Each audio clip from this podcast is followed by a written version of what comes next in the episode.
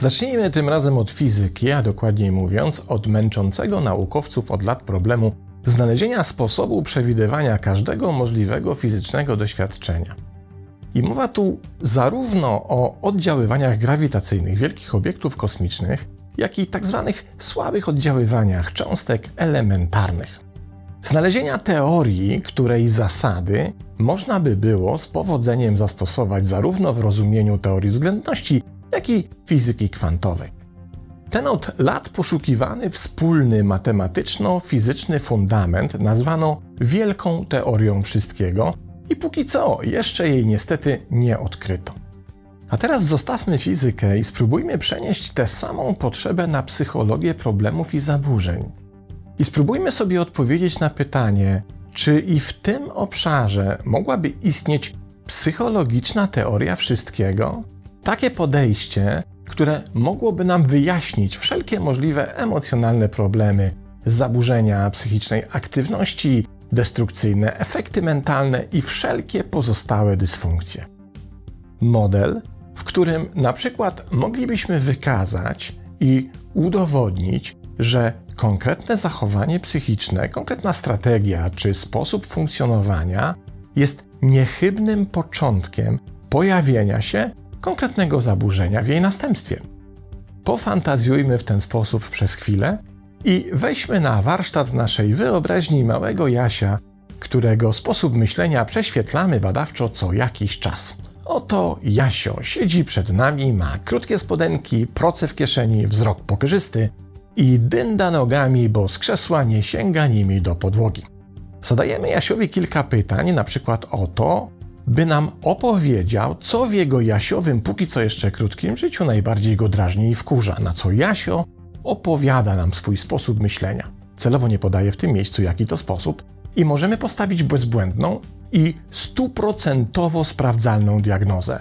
Drogi mały szkrabie, otóż Twój sposób myślenia powoduje, że w ciągu najbliższych 10 lat Twoje psychiczne życie zacznie stawać się dla Ciebie problemem, a im będziesz starszy, tym problem będzie bardziej dotkliwy. Dostajesz na pamiątkę badania listę zaburzeń, które cię czekają w przyszłości, z których jedno, a może nawet kilka naraz, pojawią się w Twojej głowie na bank. To tylko kwestia czasu, chyba że byłbyś łaskaw rozważyć zmianę sposobu myślenia. Zresztą w tym przykładzie zamiast Jasia możemy na badawczej kozetce posadzić dowolną osobę bo przecież to psychologiczna teoria wszystkiego, która, jak sama nazwa wskazuje, działa zawsze, wszędzie i w każdym przypadku. Czy znalezienie takiej teorii znacznie nie uprościłoby nam życia? Oczywiście co róż pojawiają się badania, które znajdują takie wyjaśnienia i dowody łączące efekt psychicznych zaburzeń z przyczyną konkretnych strategii psychicznego myślenia i funkcjonowania. Wymieńmy tutaj tylko jeden przykład. Równo trzy tygodnie temu, 1 października 2022 roku, opublikowano wyniki badań zespołu naukowców z Uniwersytetu Iowa pod kierunkiem adiunkta psychiatrii Nicolasa Trappa, w których okazało się, że dominująca aktywność konkretnych obszarów mózgu ma istotny wpływ na naszą odporność lub podatność na depresję. W badaniu wykorzystano skany obrazowania mózgu ponad 500 pacjentów ze zlokalizowanymi obszarami uszkodzenia mózgu, co pozwoliło na wnioskowanie, za jakie zdolności odpowiada dany obszar. Jeśli po urazie zostały one utracone, to oto mamy niezbity dowód na to, że aktywność w danym obszarze właśnie za te zdolności odpowiada. Następnie porównano wyniki tych badań do kolejnych badań pacjentów z objawami depresji i okazało się, że aktywność w węzłach sieci trybu domyślnego wpływa na depresyjną odporność, zaś aktywność w węzłach sieci istotności na depresyjną podatność. Dodajmy, że ta pierwsza aktywność jest odpowiedzialna m.in. za funkcje introspekcyjne, zaś druga za konkurencyjność przykuwania uwagi przez zewnętrzne bodźce i związaną z tym reaktywność emocjonalną. Mówiąc wprost, im częściej korzystamy z mechanizmów autorefleksji, kierujemy uwagę do naszego wnętrza i im mniej dajemy się porwać zewnętrznym bodźcom, powierzając im sterowanie naszymi emocjami, tym bardziej odporni stajemy się na depresję. Jednak ta teoria dotyka jedynie małego wycinka rzeczywistości naszych psychicznych zmagań. My zaś, w kontekście psychologicznej teorii wszystkiego, potrzebowalibyśmy sposobu wyjaśnienia wszystkich możliwych psychicznych problemów, a nie jedynie depresji. Czy póki co musimy poprzestać na naukowych marzeniach i poczekać, aż ktoś w końcu znajdzie jedno duże rozwiązanie? Być może nie musimy czekać, bo oto coraz częściej w świecie psychologicznych teoretyków wymienia się poważnego kandydata. To zresztą dość rzadkie zjawisko, by w psychologicznych periodykach pojawiały się artykuły omawiające teorię, której badawcze potwierdzenie ma się ukazać oficjalnie dopiero za dwa miesiące, czyli w grudniu 2022 roku. Co więcej, zapowiadający ten psychologiczny przełom autorzy już w tytułach swoich artykułów używają sformułowania teoria wszystkiego, jak na przykład dr Susan Whitborn, która przemyca do oficjalnego obiegu to nowe i niezwykle interesujące odkrycie.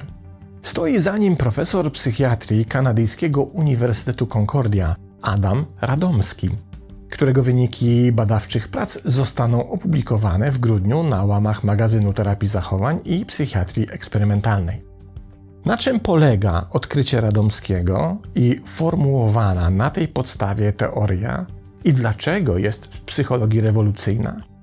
Otóż Radomski i jego zespół przebadali znaczną ilość pacjentów cierpiących na takie zaburzenia jak obsesyjno-kompulsywne, fobię społeczną, zespół stresu pourazowego, zaburzenia lękowe i wiele podobnych, i odkryli, że w każdym z badanych przypadków pojawia się ten sam schemat wywoławczy, który jest związany z lękiem przed utratą kontroli. Susan Whitborn w swoim artykule przekonuje, że istotnie jej doświadczenia w pracy klinicznej z pacjentami również potwierdzają wnioski Radomskiego. I to w wielu innych zaburzeniach, a jak się dobrze zastanowić, to we wszystkich. Co więcej, ten wspólny filar lęku przed utratą kontroli dotyczy wielu różnych obszarów i pojawia się w skrajnie różnych od siebie zaburzeniach. W niektórych z nich dotyczy naszych relacji, w innych emocji, a w jeszcze innych sposobu myślenia lub konkretnej życiowej aktywności.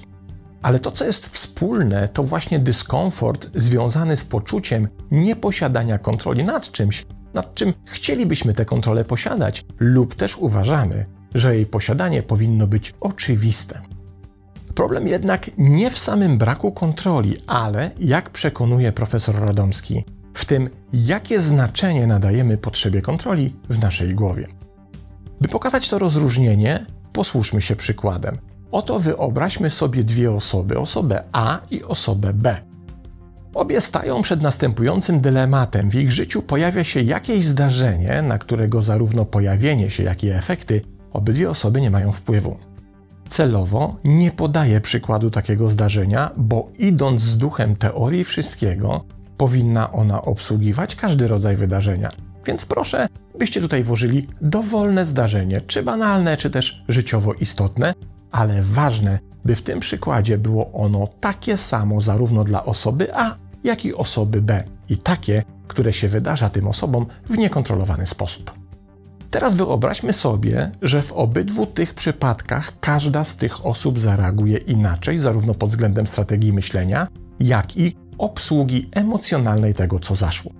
Osoba A po prostu zaakceptuje fakt, że na to, co się wydarzyło, nie miała najmniejszego wpływu, więc przyjmuje skutki tego wydarzenia w swoim życiu, starając się je ułożyć w taki sposób, by zorganizować je wobec nowych okoliczności. Po prostu uznaje, że brak wpływu na to, co się stało, jest jednoznaczny z tym, że za dane wydarzenie nie może się ani obwiniać, ani też brać za nie odpowiedzialności, ani przed światem, ani przed samą sobą. Osoba B jednak postępuje inaczej, nie akceptuje tego, co się stało i zadręcza się tym, że to się w ogóle wydarzyło. Szuka winnych, odpowiedzialnych i przez cały czas szuka łącznika pomiędzy tym zdarzeniem a samą sobą. Uznaje, że taki łącznik musi istnieć, a to, że go nie widzi, nie wyjaśnia, że go nie ma. Można by powiedzieć, że osoba B wykazuje skłonności do koncentracji uwagi na tym, co zaszło i nie radzi sobie z zaakceptowaniem braku nad tym kontroli, czym się zadręcza i buduje dyskomfort, potęgując związane z tym myśli i emocje. Teraz do tak opisanej sytuacji spróbujcie podłożyć dowolne zdarzenie małe, duże, błahe czy istotne i sprawdźmy, czy ten system może działać w dowolnych okolicznościach i dowolnych obszarach. Jeśli tak, to teoria Radomskiego może być rzeczywiście zalążkiem do wyjaśnienia większości, a być może nawet wszystkich naszych psychicznych dysfunkcji, bo według jego badań są one wszystkie efektem sposobu funkcjonowania spod znaku osoby B. Co więcej, gdyby psychologiczna teoria wszystkiego okazała się prawdziwa, a po grudniowej oficjalnej publikacji wyników badań w świecie psychologicznych periodyków spodziewany jest spory szum, to zwróćmy uwagę, że zawiera ona nie tylko możliwość, jak w swojej teorii chcieliby fizycy, przewidywania każdego możliwego psychicznego zaburzenia, ale co najważniejsze, również najskuteczniejszą profilaktykę, którą możemy streścić krótkimi, żołnierskimi słowami kierowanymi do Jasia, który przysłuchiwał się temu mini wykładowi, wciąż siedząc z pokerową miną na stołku i machając w powietrzu nogami. Drogi Jasiu, jeśli nie nauczysz się w życiu akceptować tego, na co nie masz wpływu, to na poziomie przyszłego psychicznego funkcjonowania raczej nie wróży ci to wiele dobrego. Pozdrawiam.